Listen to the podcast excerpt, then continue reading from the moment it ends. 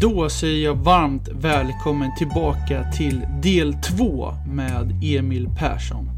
Vi fortsätter yrkesresan med Emil där han berättar mer om Café Magazine, hur han tar fram fördomsfrågorna för de kända gästerna och sedan ger han ju grymma avslutande tips till er lyssnare. Jag tycker vi kör igång direkt.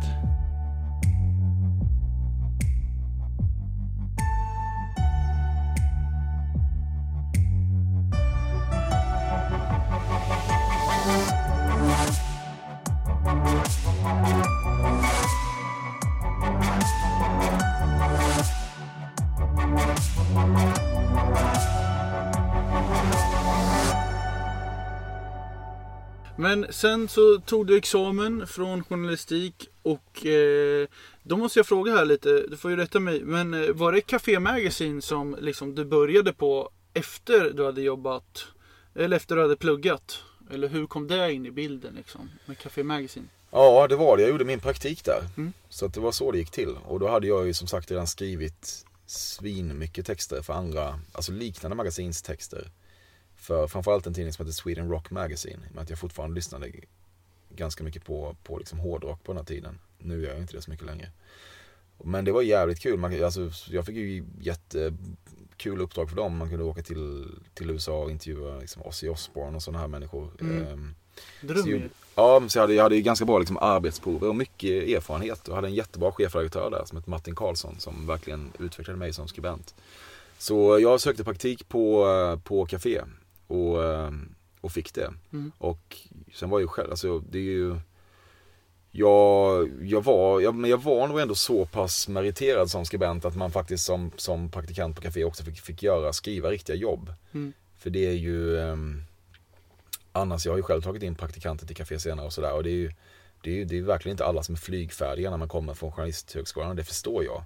Um, men i och med att jag hade så mycket skrivarerfarenhet så kunde jag faktiskt få göra riktiga grejer i tidningen ganska tidigt. Så att det var ju, gjorde också att det kändes mer meningsfullt. Så det var, ja, det var, det var så det började. Sen så var det, Café var, var ju inte en så stor redaktion då. Ännu mindre nu ska gudarna veta. Men även då, det var inte så att man bara sa okej okay, den här killen gjorde en bra praktik, nu får du jobb. Utan det fanns ju inte så många tjänster där. Det var ju Tidningsdöden var ju väldigt, väldigt mycket in play redan Mm. då. Mm. Men jag hade väl typ flyt på så vis att det var någon som var tjänstledig och pappaledig och sådär. Så jag, jag, fick, jag fick vara kvar på Café typ kanske ett år efter min praktik eh, hela tiden på grund av att jag fick olika vick. Och sen så efter det så blev jag fast anställd som nöjesredaktör och skribent.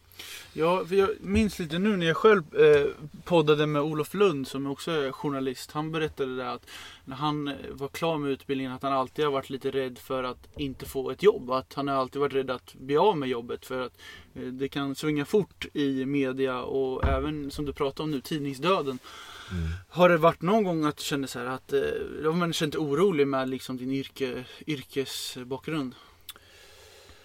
Nej, Olof är en jävla ängslig natur också ska du veta. Han, jo. jobbar, han jobbar ju alldeles för mycket. Eh, bara för att han är livrädd för att förlora jobbet. Trots att han är en av Sveriges mest uppburna Ja, sportjournalister. är så, så är han alltid rädd att förlora jobbet. Och det, det är olyckligt tror jag för Olofs eh, självbild att den här tiden kommer där det ändå finns ett permitteringshot över oss allihop. Det blir som att det bekräftar hans, hans världsbild. Han behöver inte ha det så. Olof sitter en av de som sitter, mest säkert i sportjournalist Sverige. Mm. Men det är ju det är hans drivkrafter, den har tagit honom dit. Så det är väl jättebra för honom. Nej, vet du vad? Jag är inte så jävla... På det sättet har jag aldrig varit orolig. Jag är... Jag vet inte, jag har dåligt självförtroende i så jävla många saker i livet. Men jag har alltid haft helt okej självförtroende i det jag gör. Jag har egentligen varit mer oro- orolig för att jag ska hitta, okej hur ska jag hitta jobb som känns stimulerande och vad ska bli nästa grej när jag tröttnar på det här. Um, kommer jag göra någonting som känns kul och, och givande. Så jag, sen har jag verkligen inte- tagit saker och ting för givet så. Jag har kämpat mycket för att jag skulle bli kvar på café och sådär. Försökt göra det absolut bästa jag kan. Men um, jag vet inte. Jag, jag, har, jag vet inte. Jag tänker nog att yrkesmässigt kommer det lösa sig på något jävla sätt. Jag, jag, jag mina ängslor eh, och neuroser ligger mer i andra, andra mm, genrer av livet än just i det yrkesmässiga för tillfället. Men eh, sen får vi se. Nej, jag, jag vet inte, jag har aldrig varit så jävla orolig. Det var mer att det fanns en tid där man kanske kände sig färdig med café. Och eh, nu kanske jag går händelserna i förväg, men att då var det lite sådär, okej vad fan ska jag göra nu då? För jag hade så jävla länge tänkt att jag mitt, ja, men jag, jag tyckte att det vore jävligt kul om jag kunde få, få bli skribent på Café och tävla med vad jag tyckte var de bästa skribenterna i Sverige. Mm. Strage och Gradvall och, och alla de här som man, man läste när man växte upp.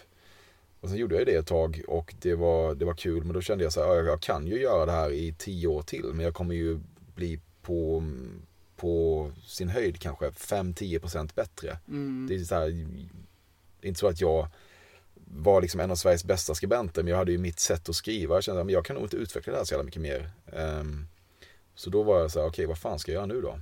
Plus att, att det kändes som att hela det hantverket med långa reportagetexter och porträtt som jag tyckte var kul och det kanske det jag var bäst på. Någonstans var utdöende ju. Eh, på grund av sättet människor konsumerar journalistik idag. Ingen orkar läsa så långa texter i telefonen och ingen köper längre papperstidningarna. Så det är ju en, en utrotningshotad eh, konstform på något sätt. Mm. Så då var jag lite så här, vad fan ska jag göra nu? Men då var jag, jag var inte orolig att jag inte skulle ha någonting att göra. Jag var orolig att jag inte skulle ha jobb som kändes till, tillräckligt kul bara. Mm. Och utmanande. Jag förstår. Men eh, vi, vi går vidare lite där med eh, Du eh, började på café, eh, började jobba som skribent, fick eh, från praktikplats eh, till fast tjänst. Och nu har du säkert fått den här frågan hundratusentals gånger och den kommer återigen. Eh, du har ju startat Fördomspodden med Café Magazine. Eh, vi träffades ju för något år sedan på Spotifys huvudkontor där du hade lite föreläsningar om just eh, Fördomspodden och hur den gick till. Eh, men du kan väl berätta lite för lyssnarna hur liksom konceptet kom till och hur, hur du startade den här podden med Café. Mm. Ja, det, det, jag har, ja, den frågan har jag fått och jag har ändå inte lyckats formulera ett riktigt distinkt svar på den. Mm, för att det är, jag vet nog inte riktigt själv, men det, jag tror att det finns i alla fall lite olika, lite olika aspekter som sammanstrålade. som alla har någonting med saken att göra. Så jag kan, jag kan försöka bena av dem på ett någorlunda kortfattat sätt. Men det ena är ju, det ena handlade om att Café i grunden länge ville ha en podd. Det var så här, ja, men vi behöver, det här var ju verkligen på tiden när alla skulle ha en podd. Eh, men då var inte jag så jävla sugen på att starta en podd. Jag var egentligen aldrig särskilt sugen på det. Så jag hade ju kunnat starta en snackpodd då om jag hade velat. Och med Café i ryggen. Men det kändes inte rätt det var också en tid där det kändes som att eh, det var ju innan poddar egentligen har etablerat sig som mm. det har gjort idag. Nu tror jag alla vi känner att poddar kommer finnas med oss, om inte för alltid så inom riktigt, riktigt, riktigt överskådlig eh, framtid liksom. Eller oöverskådlig framtid. Finns det för mycket poddar just nu? Jag vet inte, det är väl lite, det är väl lite Darwin liksom. Det är väl survival of the fittest. Oh, alltså, så här, eh, men jag, det gör väl ingenting. Det är väl jätte, jättebra att alla startar poddar. Det var nog mer min eh, min ängslighet som gjorde att, men det, jag, jag upplever också att det var en tid då framförallt alla killar startade en podd. Mm. Och det kändes som en fluga lite grann, så det kändes så jävla mycket som ett flockbeteende. Och ett killigt se på mig, hör mig, bekräfta mig beteende. Så, som gjorde att jag backade lite då. Jag tror att faktiskt att det, att det är lättare idag. Det är, mer, det är mer förlåtande inom en viss eh, klick att starta en podd idag. En klick som man kan ju skita i, men det gjorde jag uppenbarligen inte. Men så det, det, fanns en, det fanns i grunden en önskan från Café att ha en podd. Och sen så finns det också på alla typer av magasin av det här slaget och egentligen alla som jobbar med intervjujournalistik så finns det ju alltid en jakt på hel, den heliga formatgralen på något vis. Eh, för att man ska intervjua så jävla många människor som är aktuella med olika saker. Och då är det så här, det är väldigt bekvämt. Man kan inte djupintervjua Kjell Bergqvist många gånger som helst. Utan det är roligt då om han är aktuell med en ny tv-serie. Ja, vi hade honom på omslaget för ett och ett halvt år sedan. Kan vi göra något annat nu? Ja, vad gör vi då? Ja, vi vill inte ställa samma frågor igen. Och har man då ett format som man kan trycka in honom i så blir det, blir det mycket bättre och, och, och roligare också ofta. Mm. Så Café har ju till exempel något som heter Sista ordet som mm. är mer eller mindre en, en ren eh, rip-off på The Proust Questionnaire som Vanity Fair också kör och eh, James Lipton körde i Inside the Actors Studio. Alltså mm. väldigt, väldigt formaterade frågor. Hur vill, okay. hur vill du och vad är, liksom, vad är kärlek för dig? Eller liksom så här, vilket är det konstigaste rykte du har hört om dig själv? Alltså mm. den typen av frågor. Så att det, det Café vill alltid ha nya intervjuformat. Eh, och då minns jag i alla fall bara att jag skulle intervjua Erik Niva och det hade jag redan gjort ett par gånger i mitt liv. Är ni bra vänner eller? Ja men han är omöjlig att bli vän med. jag liksom, han har dykt upp på några eh, livepoddar va? ja sånt. men vi delade scen på en annan podd. Tutu Balutto ja, hade livepodd. Så, så mm. då, eh, då fick jag dricka med Erik. Det mådde jag otroligt bra av. Jag mm. älskar honom. Men eh, jag har ju väldigt många vänner i branschen. Men jag, vill, jag, jag har liksom ändå inte, jag är inte så, så jävla mycket av en nätverkare. Allt det där har uppstått organiskt. Men Erik Niva är liksom en av få jag skulle kunna förnedra mig för att bli vän med. Mm. Men eh, och jag tror ändå att han gillar mig. Men det är han, han det, jag vet ju, vi har pratat om det här. Antingen så blåser han mig bara och hatar mig. Men han pratar mycket om att han faktiskt han ser livet som att stå på tre ben. Ett är då jobb, ett är familj och ett är vänner. Och liksom, i takt med att han blir äldre så är det så här, ja man har inte tid med alla tre och då har han valt att prioritera eh, jobb och familj och det kan man förstå. Mm. Så att jag, jag, tror faktiskt inte att han jag låter som en svartsjuk galning nu men jag tror inte att han generellt har lagt sig till med så många nya vänner i vuxen ålder. Så att jag, är liksom, jag, faller, jag faller på det snarare än att jag som person inte är god nog åt honom. Det, mm. det kommer jag fortsätta tro. Men eh, hur som helst skulle jag intervjua honom mm. och då, då kände jag det här att så här, fan jag orkar inte prata med honom om fotbollens roll i samhället. Vi har hört det liksom och han är bra på det men jag vill göra någonting annat. Det känns så tråkigt att göra någonting som alla andra gör. Så då på något jävla sätt så kom jag på då att i och med att han känns som en så jävla tydlig person. Han är ju väldigt tydlig med vad han står för. Liksom, nästan om man vill, vill vara hårdragen så kan man ju säga att han är lite som en karikatyr på sig själv. Eh, och på något vis då så kom jag på det här att vad roligt ändå om det man vänder på någon slags Jeopardy-grej. Alltså jag berättar för dig vem du är snarare än att du berättar för mig och så får du rätta mig om jag har fel. Så, eh, och, så då kom jag på att ja, men jag kör påståenden istället som är så här, du är så här och så får du svara på det. Och eh, när jag kom på den idén så tänkte jag också att om det här ska göras så är det nog, är nog podcast det bästa formatet. För att det är ju kul att höra folks reaktioner. Det kommer inte bli lika bra i liksom, tryckt skrift. Så då gjorde jag den där intervjun och spelade in den också. Men den släpptes ju först som en helsida i Café. Ehm, för att det var det som var beställt. Men jag testade det då och tänkte så här, testa om det här känns kul så spela in några till. Och om de också känns kul så kanske vi testar och te testar att göra tio avsnitt eller vad vi sa. Um, och om det flyger så kan man göra fler. Men han ställde upp direkt utan att ens tveka? Eller var det lite så här, ja men vad ska du egentligen fråga? Man ja, visste ju inte riktigt vad som nej, komma skall. Nej, precis. Ja, men dels hade vi träffats lite innan liksom. Så jag tror ändå då, i och med att jag är så väldigt övertygad om att han verkligen gillar mig, som du har, har förklarat här, så tror jag att han kände sig trygg med mig. Uh -huh. Men, eh, ja, men det är väl också någonting att så här, det är ju, Fördomspodden har ju fortfarande Cafés journalistiska DNA. Um, ehm, så att det är så här, det är inte så att jag kommer vara, de kommer inte få utstå något obscent, utan det är Café har ändå satt sitt namn på det här och Café har ju någonstans varit eh, en garant för kvalitetsjournalistik tror jag på många sätt. Um, med den typen av intervjuer. Så att jag tror att han, jag hade, väl, jag hade väl det också. Men det är klart jag hade hjälp av många andra. Jag kunde ju boka människor som, jag minns Veronica Maggio var också en sån artist jag spelade in tidigt. Mm. Hon är ändå väldigt, väldigt stor i Sverige. Och, och, hon ställde upp, då var det bara en skrivbordsprodukt. Så att det, det var ju tack vare Café som jag kunde få den typen av gäster så tidigt. Och sen efter det har det nog blivit en mer en produkt som står på egna ben. Det är ju, folk skiter ju i huruvida den är förknippad med café eller inte idag tror jag. Men i början så var det ju, var det ju, gjorde det lättare. Så på något sätt var det så att jag fick idén först och då förstod jag att det var en, eh, en podd. Och sen så tror jag, för att hålla resonemanget som inte blev så kortfattat i mål, så tror jag också att jag, det, det lirar med en typ av frågejournalistik som jag alltid har gillat. Jag har liksom alltid gillat ledande frågor då. Det är också en sanning som jag tyckte, för att återanknyta till Journalisthögskolan, att det, var, det fanns vissa sätt som de sa att så här gör man god journalistik som jag då eh, rebelliskt kände så här, men ja, ingen ska berätta för mig exakt hur man gör god journalistik, det kan vara vad som helst. Och den heliga graalen där är ju då de här, det här med öppna frågor. Att man inte ska fråga någon, eh, mår du bra? Utan man ska fråga, hur mår du? För då lägger man över bollen till den andra mm. och så här, förhoppningsvis så lägger man ut texten mer. Mm. Eh, annars har man en tendens att bara bekräfta det som frågas. Eller sådär. Så att jag, jag jobbade alltid så även när jag gjorde skrivande intervjuer i café. Att jag tycker det är mycket roligare att skriva så här, men fan, är det inte så att så här? För jag tänker att som man själv är, man är nyfiken på människor så går man runt och tänker så här, fan den där människan känns ju som att det är sådär. Och då är det mycket roligare att bara skriva en rak fråga i fetad stil, så här, visst är det så här? Eh, och se hur människan svarar på det.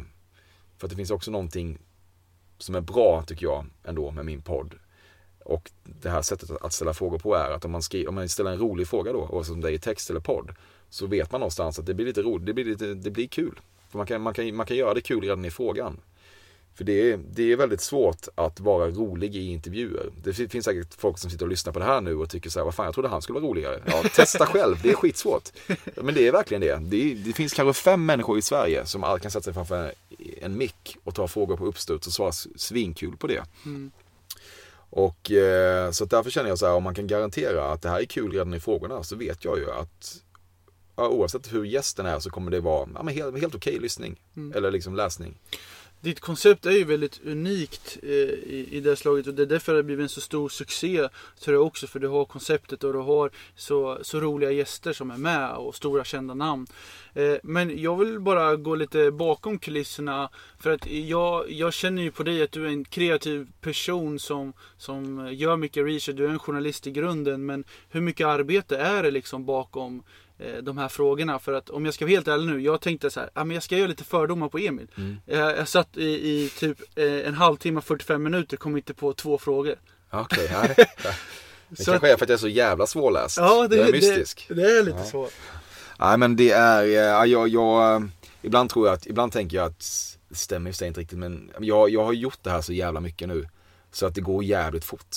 Alltså jag, jag, jag vet inte, jag skriver ju kanske 60-70, ibland ännu fler fördomar för varje gäst. Så har man, ska man klart för sig att alla har ju inte någon extrem verkshöjd. Jag tycker att humor ligger i att det kan gå mellan någon väldigt målerisk beskrivning och sen nästa är som jag hade med Anders Lundin som släpptes idag. Att du har Mm. många pallar hemma. Det är också roligt för det kommer från ingenstans efter något annat absurt. Så att allting kan ju inte vara en jävla, ett jävla ordrunk. Då blir det olyssningsbart, liksom, det fattar jag. Men eh, däremot så är jag nog, ja, men jag, jag har väl utvecklat en teknik. Så att jag, jag lägger mig hemma i soffan eh, och tänker så här, fan nu ska jag podda imorgon, då måste jag, då måste jag skriva, komma på massa fördomar. Och så skriver jag bara ner massa saker i anteckningar i telefonen och sen så sätter jag mig vid datorn och renskriver det och liksom broderar ut. Och sen kör man. Oftast är det så. Ibland kan det också vara så att man kommer på olika betraktelser. Eh, det, det är något jävligt problematiskt med ordet spaning, men det är ändå det man, man sysslar med i hög utsträckning. Så man, kommer, man ser olika saker i tillvaron, man ser olika mänskliga beteenden. Inte ofta är det patetiska tankemönster och, och känslor hos en själv. som man tänker så här, fy fan vad, vad patetisk jag är. Det här, men det rimligtvis känner andra människor så här också. Och så skriver man ner det för man tänker att den, det här har det inte pratats så mycket om, just, just den här aspekten av människans patetik. Och så, när, så har jag dem i ett dokument och sen så, när det, så går jag igenom det när jag har en ny gäst. Tänker så här, finns det något här som passar på den här människan? För det, är ändå, Mm. det här är ändå kul att säga. Okej. Eh, och så kan man då känna, ja men det här känns som, liksom, vem det nu kan vara, Sarah Dawn Finer. Och hon kan nog tänka så här också.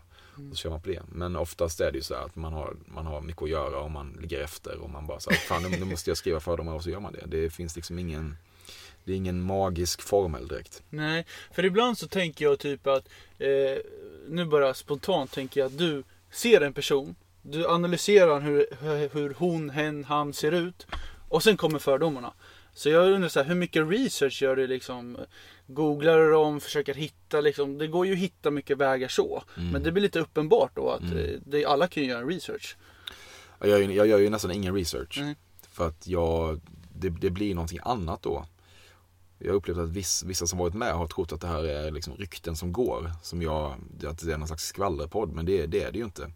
Det är ju, eh, för att det, men jag är också, också ofta väldigt, väldigt fel. Det, det, poängen med, med det här är ju inte att det ska vara rätt. Utan poängen är att jag på något vis ska sätta fingret, om jag gör mitt jobb helt okej, på någonting som lyssnarna ändå skriver under på. Sen fattar jag att folk inte har suttit och tänkt så jävla mycket på människor som jag har gjort inför det här. Men jag tror att man, när man hör en fördom ska man känna så här, ah, kul, det där låter sannolikt. Nu ska det bli spännande att se vad person X svarar på det. Så det är, ehm, ja, det är väl liksom så, eh, så det går till. Och sen är det viktigt också ändå tycker jag att Ja, men att, att, det faktiskt, att man faktiskt uppnår det. Det får inte bli att det här bara låter, känns som att jag har suttit och skrivit massa saker som låter kul. Mm. För det kan man göra, det, det kan ju vem fan som helst göra. Vem fan som helst kan säkert göra det jag gör också, men det blir ju någonting annat då. Det blir ju, ehm, det ska inte bara vara en människa som sitter och slänger ut sig saker som låter kul och tvingar någon annan att svara på det, utan det måste ju på något vis finnas en liten förnimmelse av att, ja men det här, inte, det, här, det här kan nog ändå den här människan, eh, det här kan nog ändå människan ha gjort sig skyldig till. Eh, sen så är det ju väldigt långsökt ofta och det gör jag ju för att det blir roligare. Men eh, jag vill ändå att det ska, det ska finnas någon slags rim och reson i att jag säger just det här till just den här personen. Mm. Tar du hjälp av eh, kompisar eh, ibland? Så här, men vad tror ni att de har för fördomar? Eller kan det bli, eller andra journalister? Eller blir det att du går in i din zon? Ja, jag, jag skulle älska, ha- jag, jag har ju så jävla många kul människor runt mig men man kan inte riktigt besvära dem. Det här är ändå min grej. Men Mm. till en början hade jag en kille på, på café som heter Marcus Thunberg som jag, när jag fortfarande jobbade där och gjorde den här podden, alltså när jag satt där aktivt, eh, nu gör jag ju bara podden som frilans för dem. Då brukade jag försöka få med honom ner på en kaffe och så satt vi i 20 minuter och spånade. För att, och det var bra för att han, han, han tänker på lite andra sätt än jag gör. Men sen så slutade jag ju där och, och sådär. Nu är det egentligen bara, jag brukar fråga min, min härliga klippare som jag gör där tillsammans med Bobbe om, eh, om hjälp. Men han verkar bli allt mer upptagen. Så han skickar nästan aldrig någonting längre. Men det finns en kille på café som heter Tom. Mm. Som är jävligt duktig. Och han brukar, jag brukar, jag brukar eh, messa honom och säga nu ska jag köra med den här personen. Och så skickar, brukar han skriva kanske fem fördomar. Och tre av dem kanske jag känner så att ja, men de här, det här håller jag med om. Mm. Så att, men, eh, men 97% skriver jag ju själv. Det hade varit härligt med mer hjälp. Men eh, Ja, du skulle något ska ju- jag göra själv också. Ja, du skulle ju nästan kunna lägga upp någon så här Insta-story bara hjälp mig med den här gästen. Fast det hade kanske ramlat in hur mycket konstigt som helst. Du har Ja. säkert tänkt den tanken någon gång. Ja men det, det svåra är ju också att jag måste ändå, jag måste, för att om det kommer en följdfråga eller så här, jag måste ändå känna för det själv. Ja. Tom är nog liksom otroligt formuleringsstark och rolig jävel men det är fortfarande så att en del av det som han skickar känner jag bara såhär, mm, I'm not feeling it. Nej. Och då, då kan jag inte riktigt säga det för att jag måste ändå kunna stå för att så här, jag tycker de här sakerna. Mm. Så att då får man, då, då får man ju göra det själv i hög utsträckning. Ja, härligt. Du, eh, och i och med din eh, journalistik både på Café Magazine och podden så vann du ju faktiskt Årets Journalist 2017 utsedd av Sveriges Tidskrifter. Och då, då är det en så här typisk fråga bara, hur kändes det? Ja, Du märker att inte jag är journalistisk. nej, här, jo men det är det du är. Du kör den goda journalistiken. Jag kör ju gangsterjournalistiken. Men eh, då, eh, ja men det, det, det kändes ju kul såklart. Liksom. Jag, jag upplevde i den mån man har varit liksom, nominerad till saker, antingen individuellt eller i, i tv-produktioner och sånt där. Så det, det, är det, det är alltid roligare att vinna än att inte vinna. Men jag hade också, det där hade ju inte, hade jag inte vunnit så hade jag inte varit särskilt nedslagen. Jag, jag minns också att jag var nominerad, det här var kanske två månader innan metoo. Och jag var nominerad mot Matilda Gustafsson. Som är en otrolig eh, skribent på DN. Mm. Som så småningom eh, ju, eh, satte dit kulturprofilen, eller avslöjade kulturprofilen. Mm. Och jag har skrivit boken Klubben, som är fantastisk. Så att det, lite, hon, hon gör, ju, gör ju riktiga saker. Jag minns att jag, jag la upp en Insta på det här diplomet när jag hade vunnit självgott. Och skrev typ hårt arbete lönar sig inte. Spekulera om kändisar istället. Typ. Så att jag kände mig ju lite som en ulv i fårakläder. Men jag tycker, annars kan jag väl tycka det är kul då att den typen av eh, journalisthögskolefientlig journalistik också uppmärksammas av människor som vanligtvis inte ser värdet i det. Så det, det var, det var liksom, ja men det är klart det var, det var kul, och, kul att vinna. Ett år senare vann Matilda Gustafsson och det var nog säkert ännu mer välförtjänt. Mm. Hon nominerades igen, fullt rimligt. Ja, härligt. Eh, Du, eh, när du gick vidare sen från eh, Café Magazine. För jag researchade dig lite och Mm. du har eget bolag idag. Mm. Du kör eget. Och det här är en lite rolig grej för ditt bolag heter Beyonds AB. Mm. Och redan där känner jag att det här kommer ifrån Jan Guillou. Mm. Från Beyoncé Mm. eller Beyoncé. Mm. Kreativt, kul, kul. Men eh, du startade eget. Hur, hur har liksom den resan varit att starta eget? Ja, jag kanske ska säga då för, för de som inte har sån jävla koll på min podd att det där, det där kommer ifrån ett, ett lite running gag jag har haft. Att Jan Guillou skulle, skulle Just. säga Beyoncé, men han sa, då, jag vet inte hur vi kom in på det. Men han, dyker väl upp fortfarande lite? Ja men ibland när jag har någon, någon människa som känns i riskgrupp för att inte veta hur Beyoncé uttalas så, så drar jag in det då och samplar Jan Guillou och så säger man Du vet inte vilket uttal av de här två som är rätt och så hör man eh, Guillou som säger Beyoncé eller Beyoncé Ja. och det har då jag, jag vet, jag vet inte, jag, jag vet inte varför jag gjort det men jag har gjort ett återkommande skämt om det ibland. Och eh, så det, ja, då, det är ju ett man har, ju, man har ju två val när man ska döpa ett bolag. Ja. Antingen så döper man det till förnamn, efternamn AB. Mm. Eller så försöker man göra något kreativt av det. Och det problemet med det är att det lätt blir studentikost. Och jag inte säker på att jag landade på rätt sida gränsen med Beyoncé AB. Men nu blev det så. Eh, och det kan väl få passera. Vet du vad Zlatans bolag heter? Nej, Unknown AB. är det så? Ja. Jag vet vad Peter, eh, vad Patrik Ekwalls bolag heter. Mr Exclusive in Sports AB.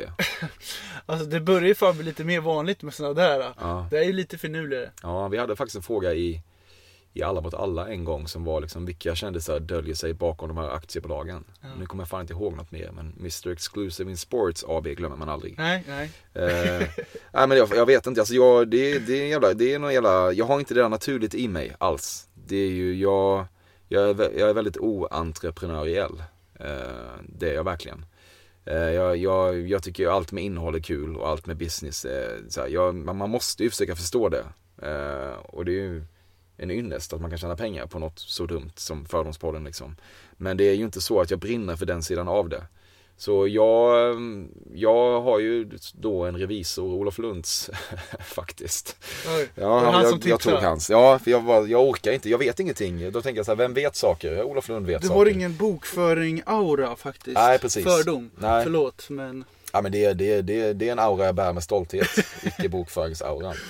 Men eh, så att då sa jag så här, fan hjälp mig, säg ett namn på en revisor. Är din revisor bra? Han sa, han är toppen, ja då tar jag honom. Mm. Så att det, det, det blev så och han är ju, eh, verkar- visade sig vara en underbar människa. Men jag, jag, så att han skulle kunna blåsa röven av mig liksom. Jag skulle kunna vara nya Svennis fast i en, en, en miljard gånger mindre skala då, ekonomiskt. Han, han skulle kunna rövknulla mig exakt hur mycket som helst.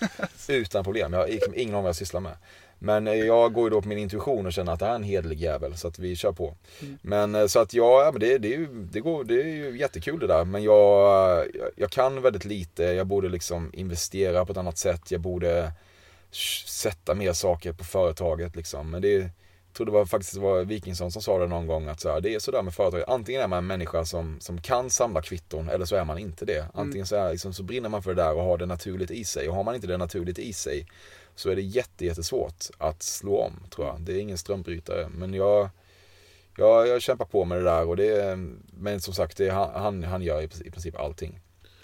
Mm. Och som jag har förstått så när man jobbar inom TV, om vi går in lite på att du har börjat jobba med Filip och Fredrik.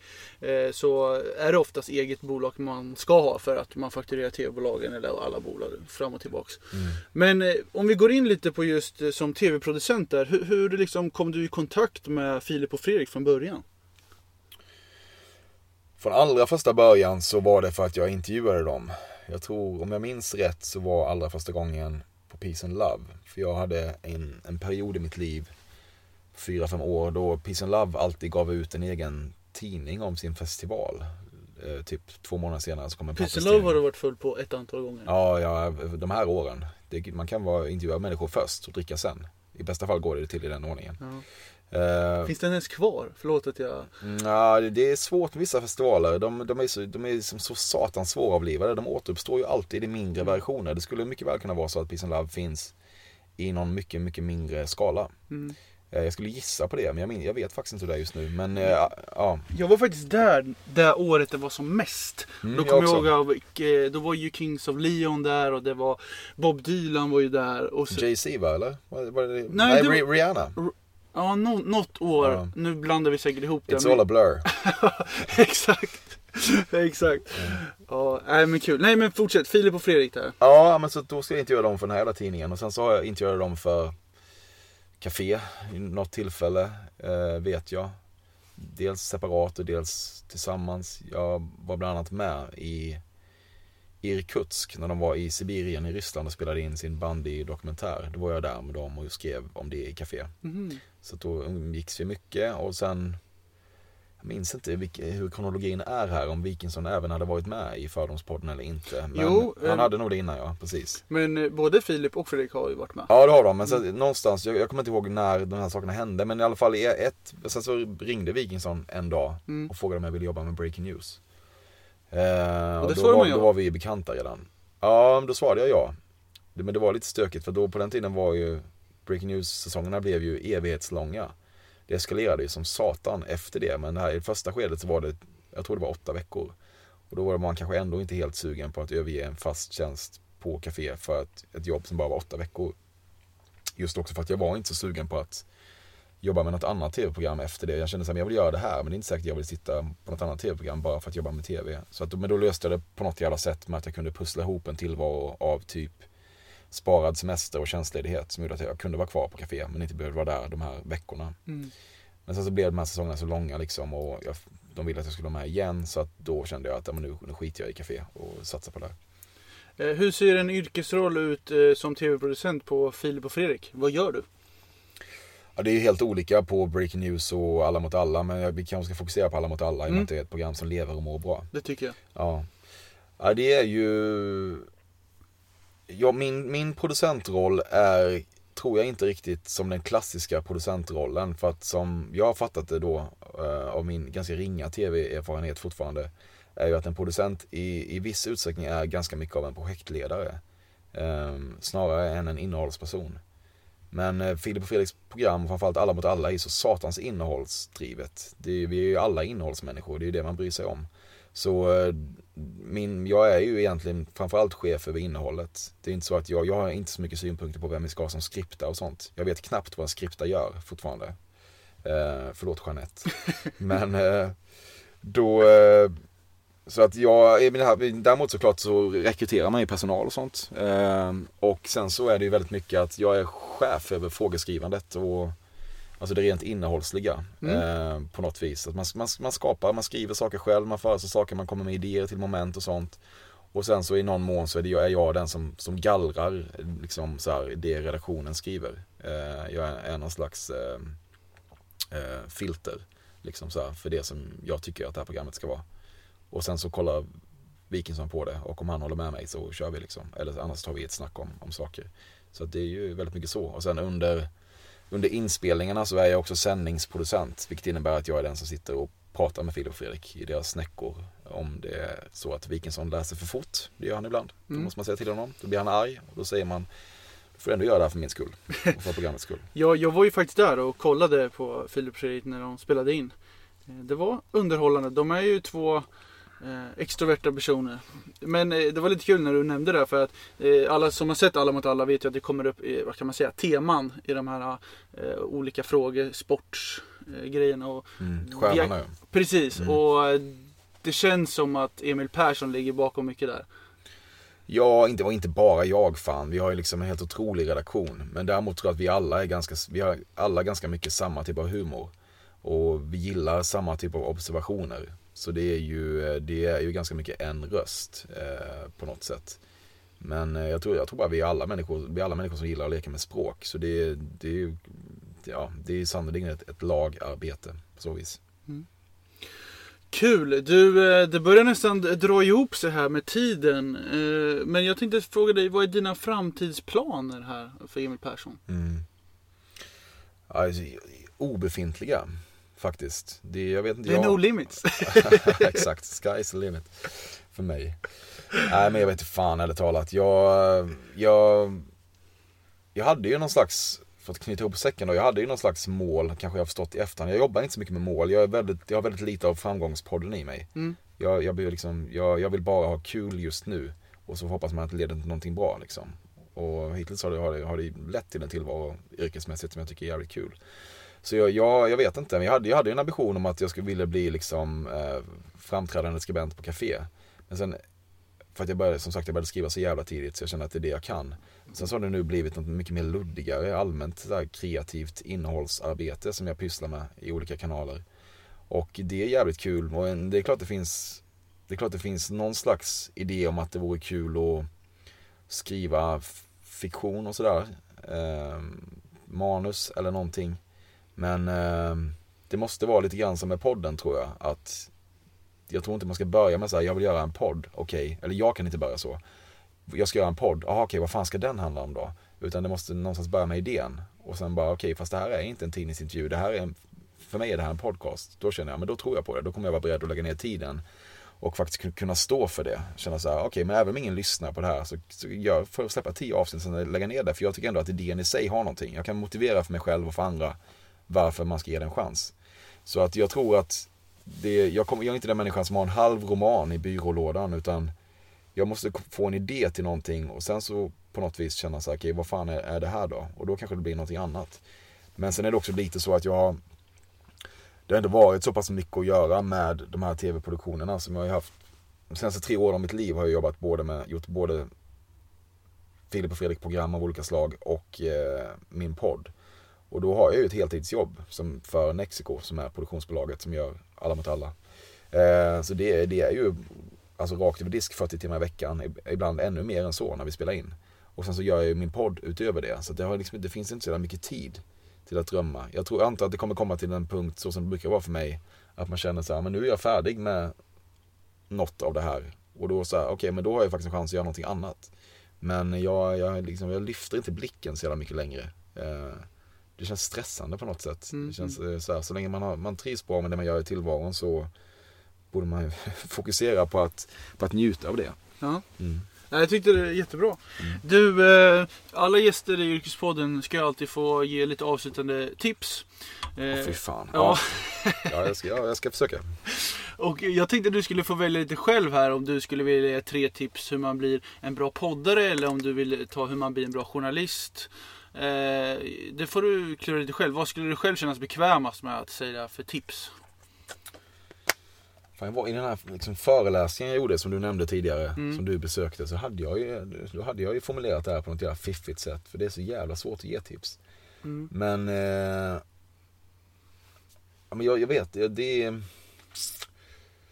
Jag, jag, jag, alltså så här, folk är också så jävla olika. Vissa människor behöver mål. Så här, men jag, det här ska jag uppnått om ett halvår. Om det funkar för dem, så vem är jag att sitta och säga att du inte ska hålla på så? Det jag vet inte, men mm. jag får utgå från mig själv. Mm. Och i mitt fall så har det ju, jag tycker det är någonting kul ändå i att bryta, det låter kanske pretentiöst men om vi ska försöka, försöka se på det man gör och varför man gillar att göra det så är det ju någonstans att det är kul att bryta konventioner tycker jag. Mm. Att det går ju någon slags röd tråd från det i att jag kunde sitta på, sitta på Journalisthögskolan och bli lite provocerad av att så här gör man, så här skriver man ett bra personporträtt eller så här intervjuar man någon på ett bra sätt. Alltså, vem har bestämt det? Varför skulle det vara det? Det är lite det jag gör med podden. Och det är ju väldigt mycket ändå på, kanske på ett lite mildare sätt, men ändå det vi gör i Alla mot alla. Där tar vi ju en otroligt etablerad genre som är frågesportsgenren. Som framförallt har en så otroligt tydlig referenspunkt i Sverige med På spåret. Som alla ser och alla har en relation till. Så att, men det finns ju något, okej, okay, men hur, vad kan vi göra? Hur kan vi göra ett frågesportsprogram som är frågesport och är på riktigt där kunskap premieras och de bästa lagen faktiskt ofta vinner. Men som ändå är något, något helt annat liksom. En, eh, en liksom perverterad version av ett frågesportsprogram någonstans. Jag hörde att Lotta Lundgren som vann förra säsongen med Erik Haag hade sagt i DN att hon tyckte att det kändes som att frågorna var skrivna av en grupp galna barn. Mm -hmm. Vilket eh, jag valde att ta som en komplimang. Okay. Eh, Ja men det vet att det är det också. Hon, hon, ville, ju, hon ville ju vara med i, i redaktionen och skriva frågor. Men jag tycker det, det är något kul i det. För det är ju ändå riktig kunskap. Men det är så här, ja varför ska vi göra det på det här sättet som det alltid har gjorts? Mm, mm. Och så fattar jag att det här inte är något unikt eller originellt råd. Men jag tror att eh, det är någonting med att säga okej, okay, om det görs på det här sättet, vad händer om man gör det på det här sättet? Mm. För det är ju det finns något, eh, det finns något eh, mycket mer spännande där ju. Mm. Så jag, jag, jag drivs väldigt mycket av det. Ehm, så att för mig är det, är det nog viktigt att, att tänka på det viset. Jag, vet, jag har svårt att bryta ner det i tre välformulerade, koncisa ja, råd. Men det förstår. finns liksom ett, det är ett tankesätt ändå som, som blir någon slags drivkraft för mig. Mm. Ehm, så är det ju. Men jag tycker det är jättebra tips och råd. Jag tror att de flesta ändå försökte hänga med och ja. insåg vad, vad du menar. Ja. Men, Om de inte eh, hängde med så är de lite korkade måste jag säga. Så jävla avancerat. ja, precis. Ja. Eh, då ställer jag den sista frågan som du alltid brukar ställa. Hur kändes det här? Ja, jättemysigt. Lite varmt ju. Vi sitter ja. i någon slags, eh, det känns som ett rökbås. Ja. Men det var härligt ju. Ja, du är en sympatisk figur. Ja. Det kände jag redan när vi träffades på den här föreläsningen. Vi får ta en bärs någon dag. Jättegärna. Jag gillar ju öl. Bra. Även du känns som. Det gör jag, mm. absolut. Men eh, tack så mycket att du var med i Yrkespodden och eh, då säger vi hej då. Tack och hej. Hej hörni, Jens här från Yrkespodden. Hoppas ni tycker om podcasten och se till att prenumerera på Yrkespodden i din poddapp. Det finns på Spotify, iTunes, Acast, Soundcloud. Ja, ni vet, där alla poddar finns. Jag finns också på LinkedIn, Jens Yangdin och även på Instagram där jag också heter Jens Yangdin. Tack så mycket.